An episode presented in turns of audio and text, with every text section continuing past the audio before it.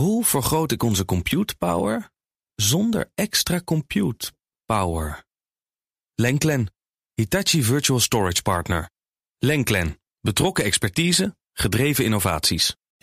BNR Digitaal wordt mede mogelijk gemaakt door Amazon Web Services en Bit My Money. Zorgeloos beleggen in Bitcoin. Het geld van de toekomst.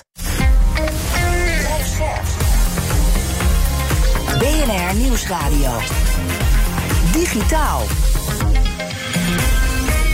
Joe van Buurik en Ben van der Burg. Goed dat je weer luistert naar BNR Digitaal. Disney en Netflix stoten hun hoofden tegen plafonds. Want de aanwas van nieuwe abonnees op hun streamingplatforms stagneert. Terwijl de kosten stijgen. Wat betekent dat voor die giganten, maar juist ook voor kleinere spelers? Zoals ons eigen Videoland, zou je kunnen zeggen. En later in deze show bespreken we hoe we uh, met een beter beheer van Domain Name System, oftewel DNS, het internet een stuk veiliger kunnen maken. En welke privacyrisico's zijn vastgesteld rond het gebruik van Facebook door onze eigen overheid. Maar eerst, Ben, een Ja. vraag die ik eigenlijk liever niet stel.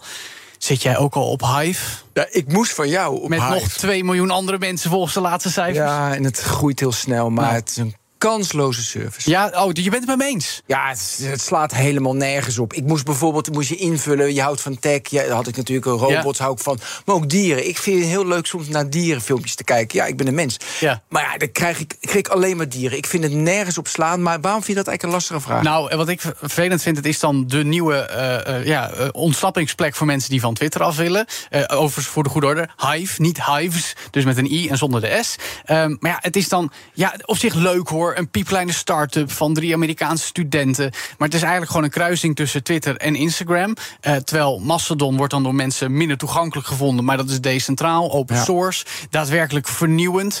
Maar het vereist wat meer uitzoekwerk. Dus ik vind het een beetje lui en makkelijk van mensen dat ze dan naar Hive vluchten. ja, maar En ik vind het ook helemaal niet spannend, Hive. Nee, en het, het ziet er ook niet uit. Nee. Want ik ook, weet je, ze denken van, we, krijgen, we doen geen algoritmische tijdlijn. Nou, ik denk in deze tijd, zonder algoritmische tijdlijn, kansloos. Mhm. Weet je, wat, dat gaat gewoon niet werken. Weet je, dat, dat, doet, dat doet Mastodon trouwens ook. Hè, dat, je, de, dat, dat je geen algoritmische Nee, hebt. Maar dat willen ze wel. Ze willen dus dat je, tenminste dat wordt geopperd nu, Dat dat je jezelf wel. je algoritme kan vaststellen. Je zegt deze gebruiker wil ik meer zien, die Juist. minder. En dan ga je pas praten. Dan Ja. wordt het interessant. Dus dan wordt het wel interessant. Maar dit is ja een dingetje. En eh, ook alleen al de naam, hè, Hive. Ik keek even op, eh, op Crunchbase Ja. naar Hive. Social heet het dan. Maar er zijn gewoon tien bedrijven die Hive heet. Dus ze krijgen, daar krijgen ze ook weer moeilijkheden mee. niet onderscheidend. Maar toch is het wel weer van. Weet je, wat wel leuk is, door het gedoe rond Twitter en Mastodon krijg je wel weer allemaal initiatieven. Dus Ja, mensen ja. gaan wel weer. alternatieven wat. ge- Er gebeurt wat. En dat vind ik wel mooi.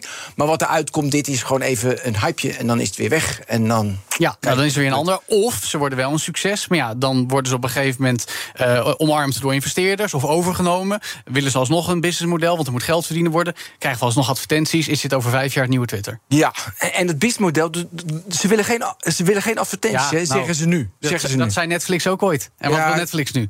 Ja, daarom. En ze willen nu met muziek, dan moet je betalen voor muziek en zo. Want dan kan je bij je post doen. Het sla nou, ja, we zijn te negatief. want heel vaak we moeten denk het een kans geven. Nee, want misschien- uiteindelijk weet je, weten wij het ook niet. Uiteindelijk kan iets ineens komen en dan is het ineens goed. Dat klopt. kan. Ja. Nou ja, dat is met Mastodon ook een beetje zo niet volledig nieuw. Maar daar zit inmiddels al 7,5 miljoen gebruikers. Lekker decentraal.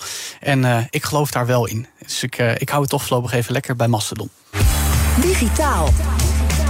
Maar goed, de tijd van onbezorgdheid en gouden bergen bij streamingsdiensten zoals Netflix lijkt wel voorbij. Want het aantal abonnees stagneert, tenminste de groei daarin. En beleggers verwachten dat diensten zoals Netflix, maar ook Disney Plus nu eens een keer flink winst gaan maken. Maar is dat ook haalbaar? En hoe is de situatie in dit opzicht in Nederland, waar we RTL als Videoland als belangrijke speler hebben? Dat zijn vragen voor Arno Otto, in het verleden oprichter van Videoland en nu Chief Transformation Officer bij Talpa. Welkom Arno. Dankjewel. Goed dat je er bent. Eh, de afgelopen tien jaar leken de bergen bij de streamingdiensten tot in de hemel te groeien. Nu lijkt het een beetje voorbij. Hoe komt dat? Nou, ik denk dat het met name komt. Ik ben overigens geen oprichter van Videoland. Dat zijn, eh, de oprichters zijn eh, uiteindelijk eh, die ooit de videotheken bedacht hebben. Ik heb ooit eer gehad om toen ik bij RTL zat dat te kopen en te, te veranderen naar een, een abonnementendienst. Ja, ja, Ja, een de platform. precies, een streamingplatform heb je wel opgezet. Ja, zeker. zeker precies, bij, RTL. ja. Ja, absoluut. Ehm, ja, ik denk dat dat. ik denk dat niet zozeer dat. Hè, als je kijkt naar de consumptie, hè, dus je moet altijd kijken naar, naar wat het gedrag is van mensen. Mhm. dan, dan, is dat, dan stijgt dat nog steeds fors. Ja. Ik denk dat je moet kijken kijken naar wat gebeurt er aan de aanbodkant. Hoeveel diensten zijn er? Uh, in combinatie met een, uh, met een stuk economische tegenwind. In de zin van hoeveel geld heb je in de maand om te besteden aan allerhande abonnementsvormen. Ja. Die, die combinatie uh, de groei afremt. maar dat is zeker niet een, een teken dat de, dat de dagen van streamingdiensten geteld zouden zijn. Nee, dat wil ik ook niet insinueren. Maar en natuurlijk, je hebt de economische situatie. Natuurlijk, er komen meer platforms bij. Maar was dit eigenlijk niet te voorzien een paar jaar geleden dat we tegen dit plafond aan zouden gaan lopen? Zeker, zeker. Ik denk ook dat, hè, zeker in Nederland. Hè, want als je dan kijkt naar Nederland, is natuurlijk een mooie testmarkt. Hè. Ik denk dat we qua aantal streamingdiensten hebben we ze allemaal. En er komen er nog meer. Uh, de, dus de, de, dus de, de, toegang zeg maar, is makkelijk. Nederlanders adapteren het heel snel. Uh, maar dat er een consolidatie hè, nu al uh, te voorzien wordt op de streamingmarkt, dat lijkt, dat lijkt me evident. Er is niet genoeg plek voor zoveel verschillende abonnementen. Nee. Maar dan is het in economische dat we niet zoveel diensten af kunnen nemen. Weet je, twee of drie, dat doen mensen wel. We dachten eerst één, nou het zijn nu twee en drie. Maar jij zegt dat kijktijd neemt wel toe. Zie, je die stagnatie al aan de horizon? Nee, maar dat is, dat is, dat is een transformatie van, van kijktijd. Hè? Dus als je kijkt naar, eh, dat hebben we altijd gedaan hè, in Nederland. Kijk altijd eerst wat er gebeurt in de US. Hè. Je geeft ook Netflix en Disney en de situatie. Ja. Het merendeel komt ook. Hè. Nederland is een kleine markt, eh, wereldwijd gezien natuurlijk. Maar als je kijkt wat er in Amerika gebeurt, dan heb je ongeveer. Uh, als je kijkt totale kijktijd, dan is ongeveer 10%, bijna 10% is Netflix. Dat is veel. Totaal, hè, dus alles. Eh, dus de hele, de hele videomarkt. Video, hè? Ja. De hele video. Ja, we, we, praten natuurlijk altijd ja. over de videomarkt. En die andere 10% is YouTube. Daar hoor je eigenlijk niemand over. Maar dat is qua kijktijd net zo groot als Netflix. Ja. En dan zie je, omdat het abonnementenmodel van Netflix... Hè, iedereen kijkt natuurlijk van hoe kan ik abonnees krijgen... en hoe kan ik abonnees houden, uh, is, is een heel interessant verdienmodel. Uh, advertenties moet je elke maand opnieuw verkopen aan een, aan een, aan een adverteerder. dus dat is heel populair, daar zit iedereen op in. En vervolgens is die markt redelijk verzadigd. Hè? Dus dan kijk je, dat moet, dat moet geconsolideerd worden. Of door pakketten die samenkomen, of door partijen die, die samen gaan. Ja, en dat zien we natuurlijk eigenlijk al hè, met Warner Bros. Discovery bijvoorbeeld. Gaan we nou echt de komende tijd nog veel meer consolidatie, omdat dat de enige manier is om door te dat, gaan? Dat, ik denk dat het wel moet. En je ziet, hè, omdat die avondmarkt, hè, dus, dus, dus in de net, Netflix als grootste heeft enorm veel challengers. Ja. En ook grote partijen allemaal. Kijk je naar YouTube, die heeft eigenlijk geen challengers. Dat is waarom iedereen denkt, hé, hey, wacht even. Ja. We gaan aan die avondmarkt, hè, die, advertentie, die video-advertentiemarkt, daar gaan we ook in zitten. Ja. Dus daarom komt Netflix met een abonnement, of nou, sorry, een advertentiepropositie. Uh, Disney komt zo meteen met een advertentiepropositie. Dus je ziet het eigenlijk allemaal naar één markt toe. Ja, nou, ik vind het heel grappig dat jij zo op YouTube zit. Ik zelf kijk ook heel veel YouTube. Eigenlijk misschien wel meer dan Netflix of Disney Plus. Ook omdat daar gewoon ja, de creators zitten met hun kanalen. Die ook gewoon echt kwalitatieve content maken. Nou, dan heb je of gratis abonnement met je advertenties. Of je betaalt om geen advertenties te hebben. En jij zegt, nu hebben Netflix en Disney eigenlijk pas door dat dat het model is. En YouTube is de lachende derde wat dat betreft. Ja, twee honden vechten om een been, zeg ik altijd. En de derde gaat ermee, uh, gaat ermee heen. Ja, maar dat is dan ook de situatie waar we dus naartoe gaan. Dat elk streamingplatform uh, uh, heeft een betaald abonnement met advertenties. En je kan kiezen wat je wil. Alleen het verschil is dat YouTube nog heel erg op de creators leunt. En Netflix en Disney natuurlijk meer high-end producties laten ja, maken. En ze lijken steeds meer hè, op wat wij dan tv noemen. Hè. Wij zijn dan zelf hè, vanuit Talpa of RTL een traditioneel tv-bedrijf, maar noemen het al lang geen tv-bedrijf meer. Mm -hmm. ik, ik, ik maak altijd vergelijk toen Netflix geïntroduceerd werd. Uh, toen was het unieke en het nieuwe en het disruptieve was dat je kon bingen. Je kon de Ja. hele serie kon je s'nachts gewoon bekijken. Een En dan heel seizoen in één nacht. Heel seizoen, dat was, dat was de, de, eh, zeg maar, de grote eh, USP. de, ja, de grote USP. Eh, eh, kijk je nu, als ik al wat kijk, dan kom ik er steeds meer achter dat ik gewoon een week moet wachten voor de nieuwe aflevering. Dus ze beginnen steeds meer hè, te, Ja, zeker bij knippen Disney, hè? Om die abonnees weer lang te houden. Want dan Ja. kan je de serie over drie maanden verdelen in plaats van over. dus het lijkt steeds meer op tv. Kijk je naar YouTube, hè, ook, vind ik ook een heel mooi voorbeeld. Toen die introduceerden hun advertentiemodel, was het, dat noemden ze TrueView. Dan eh, je alleen per uitgekeken advertentie bekijken. En dat waren halve filmische eh, ervaringen. Hè, iedereen drukte natuurlijk op skip ad. En nu zie je, door de behoefte van omzet maken... dat is natuurlijk ook belangrijk, YouTube kost ook gewoon heel veel geld... Tuurlijk. zie je dat, dat, dat, dat gewoon halverwege het filmpje... niet eens op een natuurlijke break, zoals we nog bij hè, tv gewend waren. Dat een natuurlijk moment is, dan komt er een spot, oh, we gaan Ja. afgekapt... en dan komt er een set met advertenties doorheen. Dus dit is in die zin nog meer tv dan tv ooit was. Ja. Dus waarom hebben we in Nederland nog geen goede avondservice? Dat is een hele goede vraag. Nou, eh, jij bent daar verantwoordelijk voor bij Talpa om dat te realiseren. Nou goed, we hebben bij Talpa natuurlijk Kijk. Hè. En Kijk is eigenlijk de enige die geen abonnement die alleen op advertenties Ja, eh, dat- draait. Kijk, nemen niet zoveel Nee. mensen, niet zo groot. Nee, nee, ik denk dat er een hele grote kans is voor, eh, voor een grote avondspeler. Die, die dus talenten eigenlijk aan de bovenkant van YouTube, zeg maar, de, talent een kans geeft. Vanuit de visie zeggen wij al een tijdje. Data moet naar de gebruiker en het platform moet naar makers toe. Nou, en al ziet is een heel mooi voorbeeld daarvan. hè. Dat is een coöperatief van een aantal contentspelers. Eh, ik denk dat daar kansen liggen. Zeker. Ja. Zijpaadje, jij zit bij Talpa, we noemden RTL al. Hoe gaat het eigenlijk met de fusie die eraan moet komen? Ik wou dat ik het kon antwoorden. We zijn in, eh, in- Het duurt wel lang. het, het duurt heel lang. Ja. En wat zijn nu nog de barrières? Wat denk je dat tegenaan, waar, ze, waar de AFM tegenaan loopt? Nou, ze hebben kijken natuurlijk naar markten, hè, dus dat is hè, de marktdefinitie. Hè. Eh, eh, die beoordelen ons op de tv-markt, op de distributiemarkt, op de contentmarkt. Ja. En, en wat wij eh, eigenlijk al de hele tijd doen, is we kijken naar de consumenten. Hè, wat is hun gedrag? Hè? Dus heb je het over lineaire markt, heb je het over een grotere video-advertentiemarkt of een videodistributiemarkt. Ik zeg altijd maar, want het antwoord erop, ik weet niet waar het staat. Eh, eh, het duurt lang. Eh, we hopen daar zo snel mogelijk, maar dat zeggen we al een tijd, Ja. uitsluitsel over te hebben. Want het is natuurlijk een hele lastige tussenfase waarin je als bedrijf verkeert. Ja. Maar het stuk, het stuk video, kijk, ik, wij redeneren zo, als je thuis komt, hè, wij hebben het dan over AVOD en SVOD, hè, voor de luisteraars die het niet, hè. AVOD is advertenties en SVOD zijn abonnementen. Ja. Je- die kan je kiezen en dan komen steeds meer dubbelvormen. Maar als jij s'avonds, ik weet niet hoe jullie, ik ga nooit, hè, ook al weet ik wat het allemaal betekent, ik kom nooit thuis en ga op de bank zitten en zeg, goh, dan ga ik me eens even lineair via broadcast laten entertainen. Nee, natuurlijk niet. Nee. Je zet content aan en- Ja. en dat is video. Ja, precies. Maar goed, laat ik hem ook even anders formuleren. Eh, RTL heeft Videoland. Dat wordt ook vaak in de kwartaalcijferbeduiding benoemd. Hoe gaat het met Videoland? Wat voor doelen hebben we voor ogen?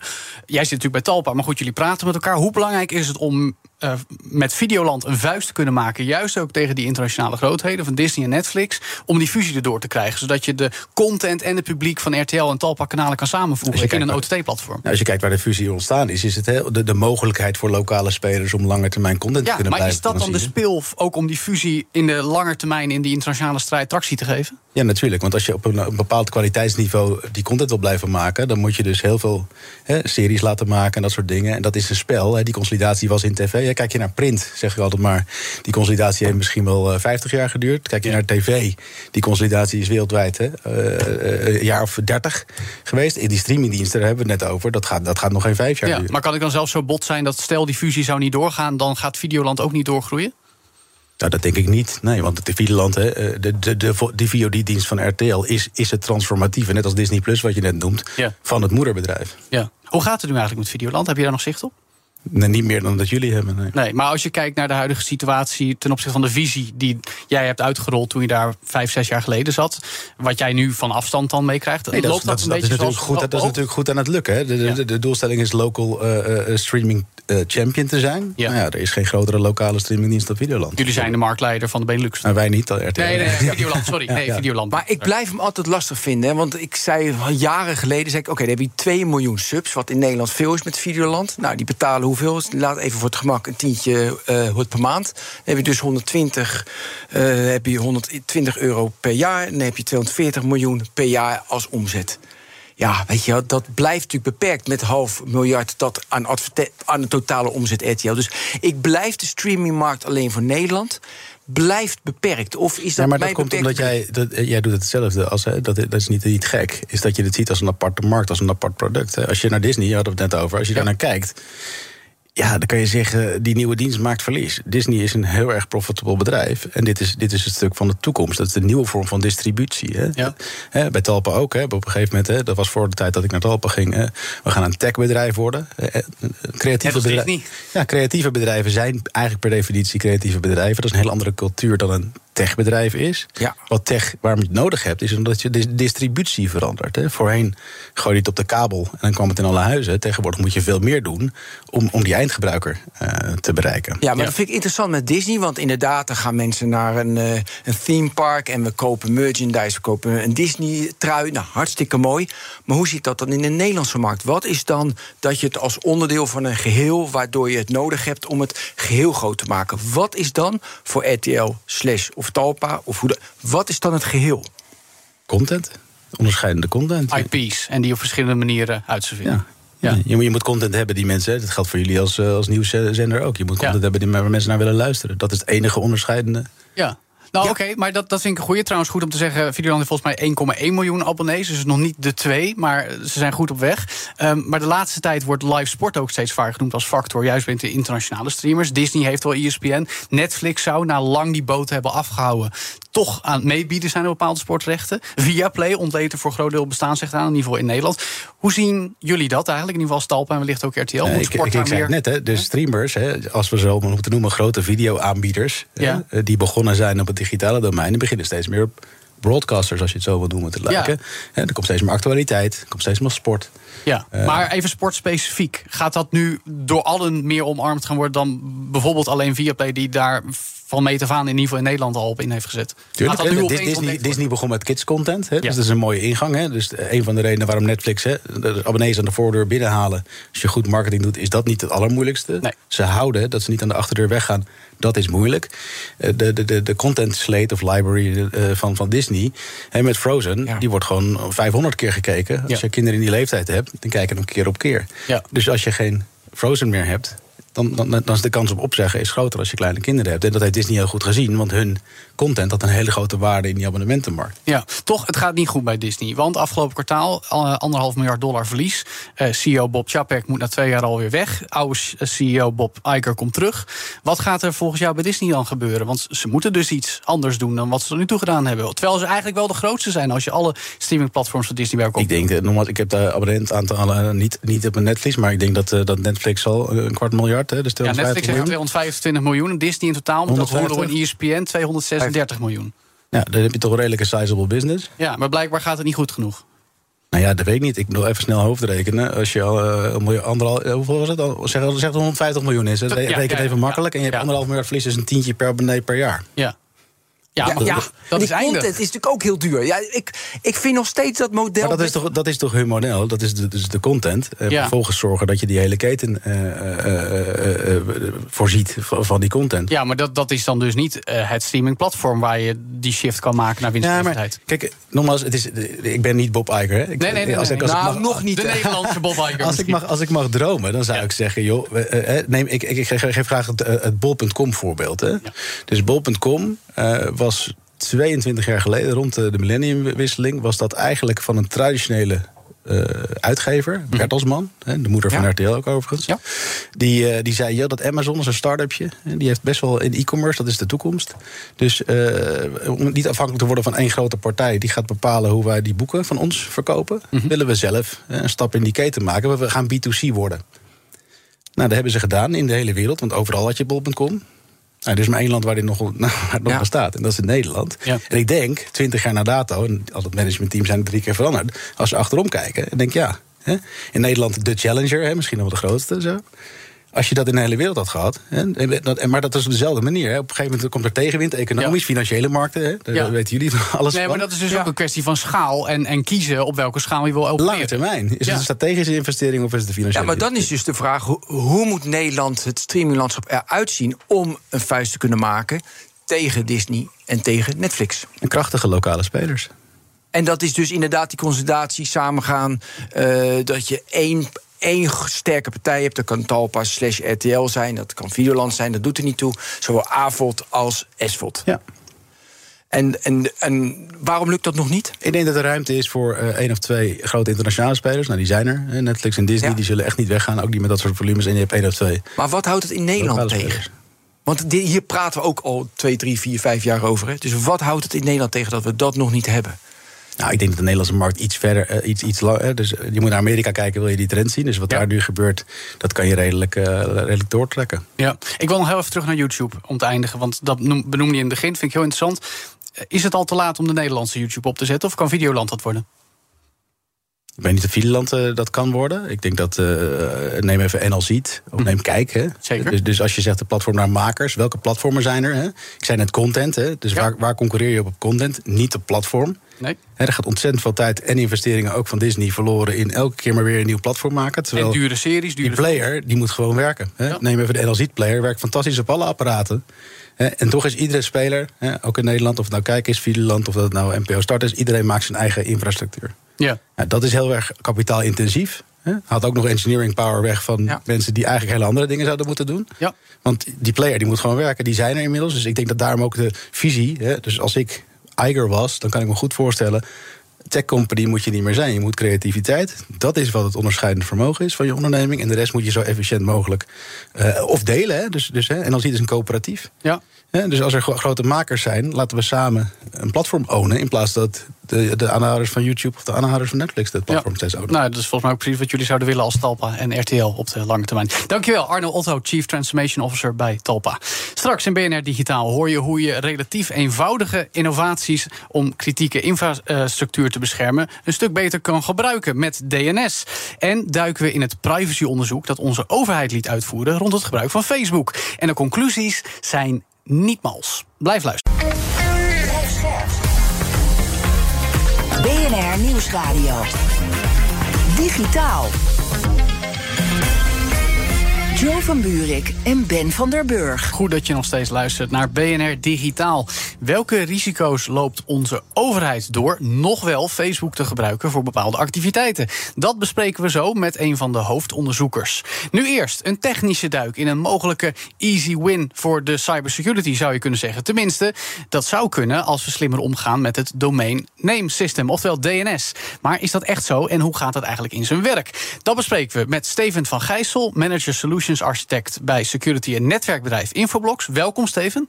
Denk wel. Goed dat je er bent. Even een kort stukje leken uitleggen. Met welke analogie kunnen de werking van DNS, een term die iedereen wel eens iets met internet heeft ingesteld, wel eens heeft gezien, het beste uitleggen? Wel, dat kun je eigenlijk het beste vergelijken met eh, de telefoonboek. Eh, de jonge luisteraars gaan dat vermoedelijk niet meer herkennen, maar vroeger hadden we zo dikke boeken thuis liggen waar je een nummer kon opzoeken.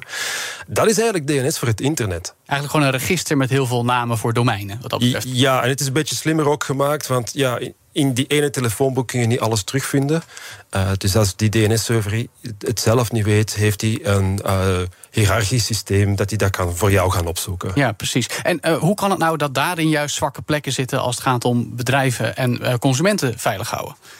Ja, alles draait tegenwoordig op het internet. Dus je moet die naam naar een IP-adres gaan vertalen. Maar ook die malware-actoren hebben, hebben dat nodig. Want die gaan dan niet meer met een vast IP-adres in, in eh, programmeren. Want ja, dan ben je zo gevonden en eh, heel makkelijk geblokkeerd. Dus zij gaan ook die DNS of die domeinnamen gaan gebruiken om heel vlug te connecteren. Ja. Dus daar ligt eigenlijk het zwakke punt eh, er- erin. Dat je ja, op, op een paar seconden heb je een nieuw domeinnaam geregistreerd. Ja. En het kost ook niks meer. Eh, we, we betalen tegenwoordig voor een domeinnaampje eh 3 euro. Ja. Want voor de goede orde, malware kan zich op elk moment achter een andere domeinnaam verschuilen. En dus kun je niet bijhouden, daar zit malware, daar zit malware, daar zit malware.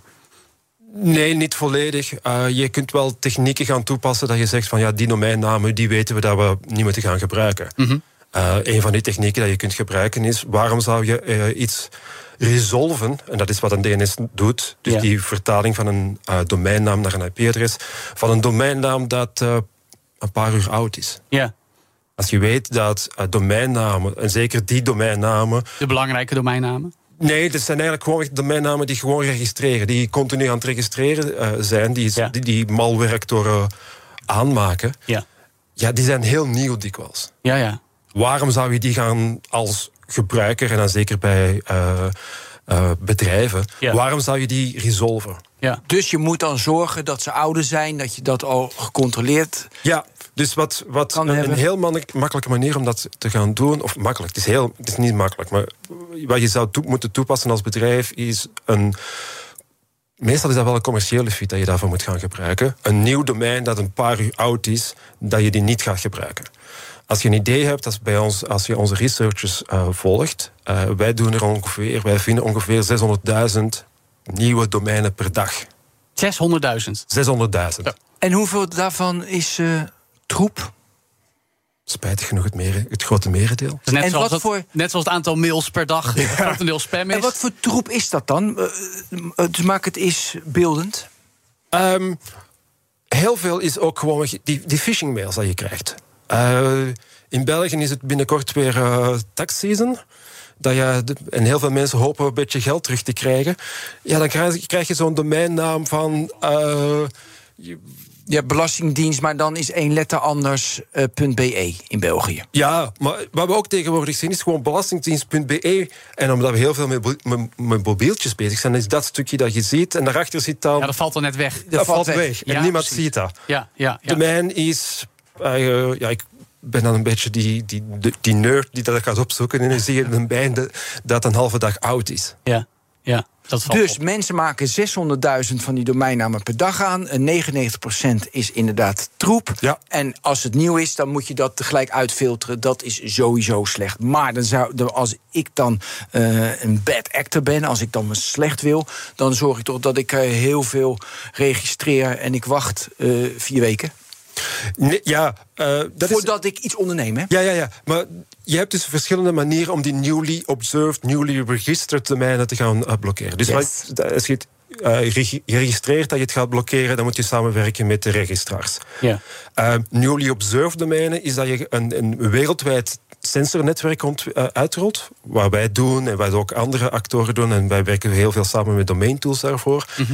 Eh, die hebben zo'n 500 sensoren wereldwijd staan. En van zodra dat daar een nieuw domein komt, komt die in een feed. En een paar seconden later kunnen wij die gaan blokkeren. Ja, precies.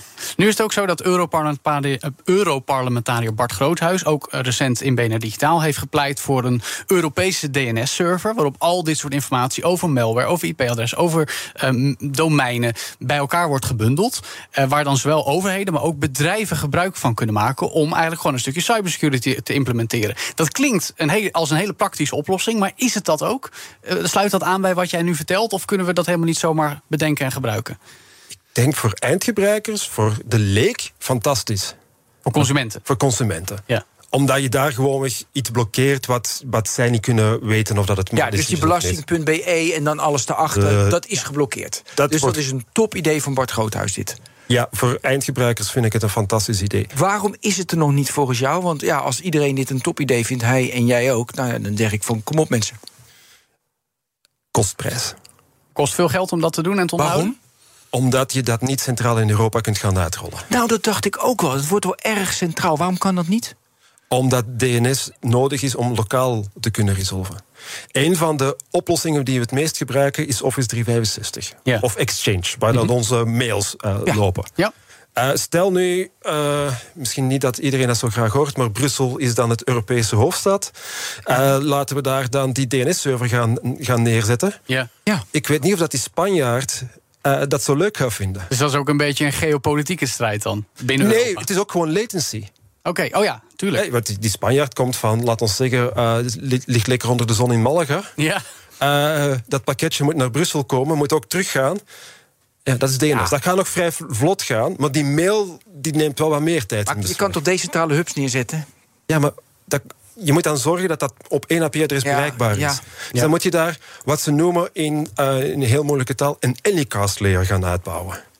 Dus dat, dat jij als uh, in configuratie maar één IP-adres moet opgeven, maar dat daar een hele reeks DNS-servers achter zitten die dat voor jou gaan resolven en dan ook die lokale uh, resolving kunnen gaan doen. Ja, precies. Dat kost enorm veel geld. Ja. En dan hebben we nog niet gesproken over de threat intelligence die eraan aan gaat toevoegen. De wat? De threat intelligence. Ja. ja dus, het feit dat je in de gaten houdt welke malafide uh, domeinen er allemaal zijn. Ja, precies. Je moet dat constant up-to-date houden. Je moet dat constant, ja. constant up-to-date houden. Ja. Je gaat daar vermoedelijk een Big Lake uh, data gaan, op gaan toepassen. Want inderdaad, als je daar... Ja.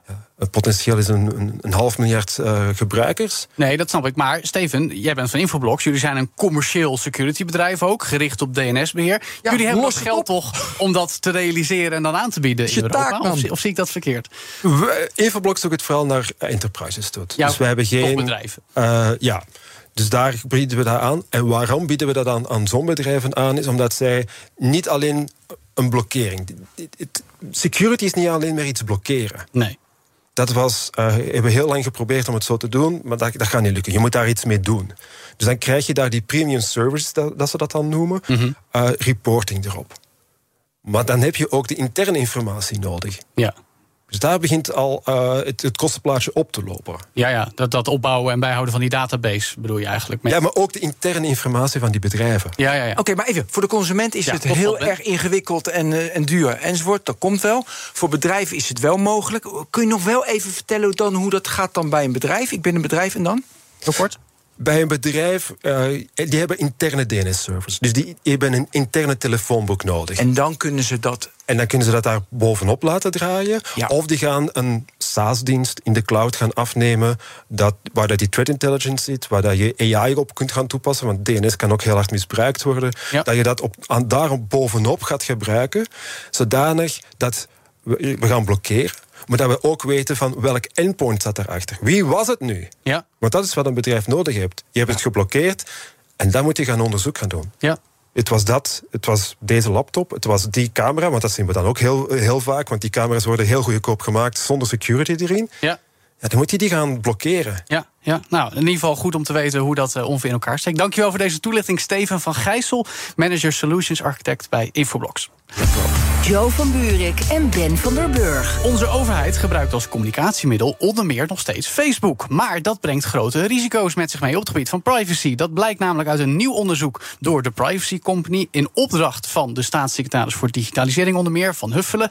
Dus vragen wij ons af welke risico's zijn er... en kan de overheid eigenlijk wel zonder Facebook? Dat vragen we aan Shura Nas, senior privacy adviseur bij Privacy Company. Welkom in BNR Digitaal, Shura. Dankjewel, leuk. Dag. Wat is nou even, uh, om te beginnen, de belangrijkste rode vlag waarop jullie gestuurd zijn in dit privacyonderzoek? Ja, een aantal rode vlaggen. Maar het belangrijkste is denk ik eh, de rol van Facebook. In, in het privacyrecht kun je eigenlijk twee rollen aannemen. Je kunt zelf de baas zijn, hè, de kok in de keuken. Dan bepaal jij wat er met de persoonsgegevens gebeurt. Of uh, je bent een verwerker. Nou, eigenlijk drie rollen. Je kunt ook gezamenlijk verantwoordelijk zijn. En Facebook zegt, nou, ik ben gewoon helemaal zelf verantwoordelijk. Ik bepaal zelf wat ik met alle gegevens doe over die paginabezoekers. Ja, nou, dus, dat ja, ga verder. Maakt het lastig voor de overheid. Ja, dus eigenlijk of de overheid nou zou willen of niet, door Facebook te gebruiken, worden danig veel dingen uitbesteed aan Facebook dat de overheid er geen grip meer op heeft. Zeg ik het zo goed? Ja, nou je opent als overheid zo'n pagina op dat bestaande platform met allemaal uh, hele goede bedoelingen natuurlijk, want je wil de mensen bereiken die daar altijd doorbrengen. Ja. Alleen, je geeft eigenlijk die gegevens weg aan Facebook. Want Facebook geeft jou in ruil voor die pagina statistieken. Dus dat je als paginabeheerder kunt zien hoe vaak er op jouw pagina gekeken is, of, uh, of er geliked is, dat soort dingen.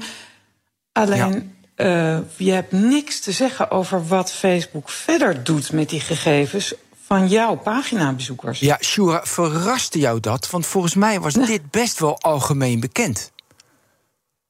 Nou, we hebben. Dit is echt voor het eerst dat we zo diep hebben gekeken. Nou, we hebben een heel technisch onderzoek gedaan om te kijken wat gebeurt er nou echt. Hè? En kun je me vertellen wat er echt gebeurde? Want ik heb jouw rapport heb ik gescand, want het was lang en ik vond het heel boeiend. Want eindelijk had ik ook een document waarbij er wat er echt gebeurt. Kun je me vertellen wat er echt gebeurt met je data als gebruiker? Eigenlijk is het sombere antwoord dat kan ik nog steeds niet helemaal goed vertellen, omdat Facebook heel weinig inzage geeft. Dat is op zich een best wel shocking uitkomst. Want ja. uh, we hebben natuurlijk in Europa een privacywet, de AVG, die verplicht om mensen, als ze daarom vragen, inzage te geven. Nou, een tweede probleem is Facebook uh, verbiedt eigenlijk het doen van onderzoek naar de werking van Facebook. Want je mag geen testaccounts maken. Dus wat we hebben gedaan is uh, twee gloednieuwe accounts aanmaken. Eentje op mijn naam. Ik had tot nu toe nooit een Facebook-account, maar nu wel. Ik heb me opgeofferd. uh, Op je eigen persoonlijke naam. Op je. Dus niet op een fake naam, op je echte naam. Ja, op mijn echte naam. Om ook gebruik te kunnen maken van het recht onder de AVG om inzage te vragen in mijn echte persoonsgegevens. Ja. ja, en ik heb dat wel dus- zelf ook wel eens opgevraagd. En dat was allemaal, ja, dat sloeg helemaal nergens op. Jij hebt dus nou, je krijgt heel veel. Ja, hè? Dat dus dat is verwarrend. Dat hebben wij helemaal uitgespit. Maar wat je niet krijgt, is eigenlijk waar wij naar op zoek waren. Waarom toont Facebook bepaalde berichten in onze timeline, in ons nieuwsfeed, in ons nieuwsoverzicht. En waarom andere berichten niet? En die logica hè, van het algoritme waarmee Facebook sorteert. Daar waren we naar op zoek. En daar krijg je op geen enkele manier inzage in. Dat ja. moet je raden. En met onze kleine steekproef hebben we al een paar rare dingen gezien. Ja, nu, die we uh, niet zouden verwachten. Ja, nu, ik hoor heel erg een, een totaal gebrek aan transparantie. In het rapport ja. hebben jullie in totaal acht privacy-risico's geformuleerd, ja. waarvan zeven met hoog risico. Um, heeft dat dan ook te maken met het feit dat uh, het moederbedrijf Facebook, Meta, zich precies binnen de kaders van de wetgeving die er is, blijft kleuren en ook geen millimeter buiten komt, waardoor we eigenlijk niet zien wat we, wat we zouden willen en moeten zien? Nou, ik betwijfel of ze binnen de lijntjes van de AVG kleuren. Oh. want de AVG zegt dat transparantie heel belangrijk is en inzage is heel belangrijk. Daar voldoen ze gewoon niet voldoende aan. En ook niet als het gaat om die relatie met die overheid. Dus uh, wij denken en argumenteren dat, dat de overheid en Facebook eigenlijk een afspraak samen moeten maken over de doelen waarvoor die gegevens worden verwerkt. Dat heet een gezamenlijke verantwoordelijkheidsovereenkomst. En dan zeg je als overheid. Nou, uh, je mag, wij verrijken jouw platform met onze informatie. Hè. Dat is natuurlijk de waardevolle bijdrage aan uh, het platform, dat er ook betrouwbare overheidsinformatie op staat. Mm maar in ruil daarvoor willen we niet dat die mensen bestookt worden met allerlei advertenties. Of nog erger, dat op basis van het feit dat ze reageren op een pagina van de overheid over een gevoelig onderwerp, hè, bijvoorbeeld uh, coronavaccinaties of LHBTI-campagnes of nou, noem maar wat uh, gevoelige onderwerpen. We willen niet dat Facebook mensen op basis van die informatie over bezoek aan onze pagina's gaat profileren. En vervolgens op basis van die gevoelige gegevens allemaal advertenties toont. Ja. Dus ja, daar willen we afspraken over kunnen maken. En dat weigert Facebook. En ik denk dat dat niet past binnen het systeem van de AVG. Nee, en wat jij, je zegt, ik kwam rare dingen tegen. Wat vond je nou raar? Wat had je niet verwacht dat ze, waar ze mee nou, terugkomen? Een van de twee testaccounts, uh, die heeft alle partijleiders in de Tweede Kamer gevolgd. Iedereen met een openbaar Facebook-account. Dat zijn ze overigens niet allemaal. Mm uh, en uh, al heel snel, en, vervolgens hebben we geklikt op alle content die Facebook ons aanriet. Elke dag, een maand lang. Best een klus. Allemaal vastgelegd wat er gebeurde. Mhm. We kregen steeds meer anti-overheidsinformatie op dat account te zien. Anti-COVID, ja, ja. Samenzweringstheorieën. Ja, en dat hadden we niet verwacht, want we hadden juist een neutraal, politiek geïnteresseerd profiel uh, uh, gemaakt door alle partijleiders in de Tweede Kamer te volgen. En dat is eigenlijk het gevolg van het algoritme van Facebook, waarvan we ook vaak hebben gezegd dat werkt als een soort black box. Maar jullie stellen dus zelf, nou, we hadden verwacht dit te krijgen als we ons zo gedragen, hypothetisch op ja. Facebook. En we krijgen iets heel extreems te zien eigenlijk. Dus dat ja, beschrijft ook de werking van Facebook. Dat is vaak beschreven in de literatuur, dat dat algoritme een soort feedback loop heeft. Dus mm-hmm. als er veel gereageerd wordt op een bericht, komt het hoger in de ranking. En het is bekend dat ja, negatieve berichten hoger scoren. Dat, dat roept meer reacties op bij mensen. En als je dan zo'n feedback loop hebt in het algoritme, yeah. dan komen dus negatieve sensationele berichten veel sneller bovendrijven dan hele saaie, neutrale berichten. Ja. Wat is je vermoeden wat ze doen? Want je zegt, ik heb wel vermoedens. Die schrijven we op, hè, wat we uit die beperkte steekproef kunnen zien. Ja? Dus ja, je, uh, wij, wij Hoe dat komt, hè? Je vermoedens hoe dat komt. Nou, over de algoritmes hebben we een apart onderzoek gedaan. Dat heet een HARIA, een Human Rights Impact Assessment. Yes. Mm -hmm. En daarin kijken we niet alleen maar naar uh, privacy en dataprotectie, maar kijken we breder naar de impact op allerlei mensenrechten en, en risico's zoals discriminatie en willekeur en uitsluiting.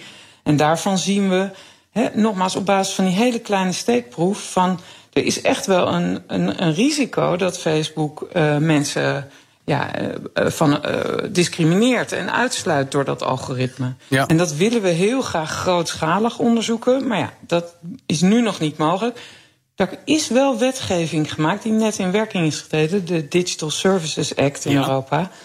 Op grond waarvan over een aantal maanden waarschijnlijk besloten wordt dat Facebook ook toegang moet geven aan onderzoekers tot die data. Ja. Maar ja, dat wachten ze wel af. Dat ja. doen ze niet proactief. Ja, even om bij het heden te blijven. Je hebt nu een paar fundamentele problemen beschreven... die ook ja. allemaal in dat rapport staan toegelicht. Jullie roepen op tot verandering. In een bijlage bij het onderzoek heeft moederbedrijf Meta ook al gereageerd. Zegt het onderzoek is te breed, niet kwalitatief. Hoe kijken jullie daarnaar? Heeft, heeft Meta een punt of zeggen jullie... nee, wij zijn heel gedegen te werk gegaan? ja, dan vraag je aan de slager om zijn eigen vlees te keuren. Ja, toch wil ik het even weten. Ja, dat doe ik natuurlijk graag. Ja. Nee, maar we hebben de argumenten van Meta punt voor punt weerlegd in die bijlagen. En wat wel leuk is, is dat de directeur-generaal van het ministerie van Binnenlandse Zaken en Koninkrijksrelaties, die de, de opdracht hebben gegeven voor dit rapport, Ron Roosendaal, die is nu een discussie begonnen op LinkedIn met de oproep aan allerlei privacy-experts en andere juristen van, ja, wat vinden jullie er nou van? Ja.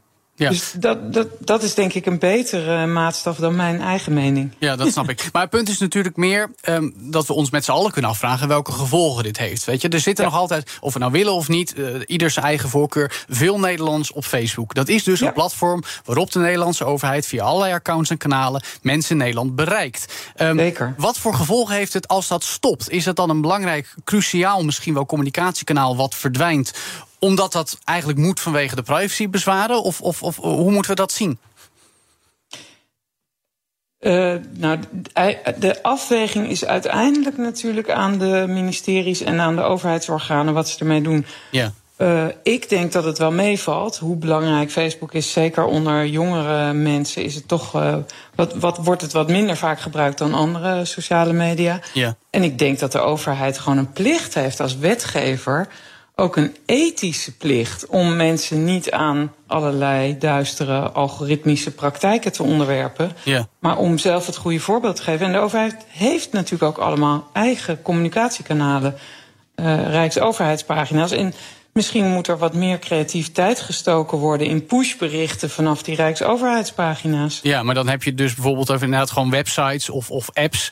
Uh, waar natuurlijk ook af en toe wel over nagedacht wordt op overheidsniveau. Maar als we dan toch even een paar alternatieven tot slot nog even benoemen. Hè. Twitter staat uh, op zijn zachtst gezegd in de fik. En is net zo Amerikaans en commercieel als Facebook. Exact. Sinds kort is Mastodon heel erg opgekomen. Open source, decentraal. De Europese Unie gebruikt het al. Is dat dan een goed alternatief als je toch ook bij een social media platform wil uitkomen? Hebben jullie daar ook suggesties ik, voor? Ik denk dat Mastodon nu nog geen uh, volledig alternatief is voor Twitter. Mm -hmm. Maar je moet ergens beginnen. Hè? Dus het is heel goed, vind ik, dat uh, de staatssecretaris mevrouw Van Huffelen nu ook een account heeft geopend op Mastodon.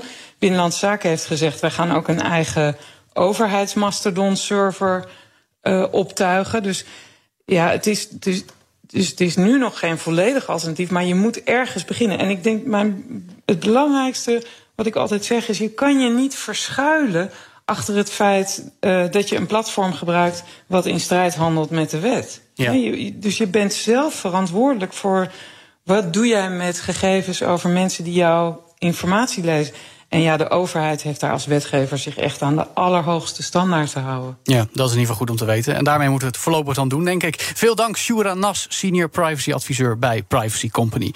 Tot zover BNR Digitaal. Deze show kun je altijd terugluisteren als podcast op elk platform, evenals via bnr.nl en in onze app. Daar vind je ook andere podcasts over tech en wat daarbij hoort, zoals de technoloog, hè Ben? Ja, we gaan schieten. Ja, deze week. over wapens heb jij gesproken met Ja. Herbert Blankenstein en Patrick Bolder. Ja, er komt een drone en die, komt, die gaat eh, scannen, scannen, scannen en dan eh, een bom en dan. Nou ja, wil je daar meer over horen, luister ook de nieuwste aflevering van De Technoloog. En dan zeg ik nu voor BNR Digitaal deze keer namens onze hele techredactie tot volgende week. Dag.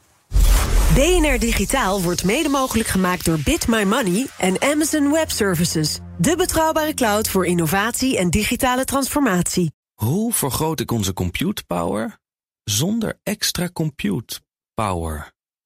Lenklen, Hitachi Virtual Storage Partner. Lenklen, betrokken expertise, gedreven innovaties.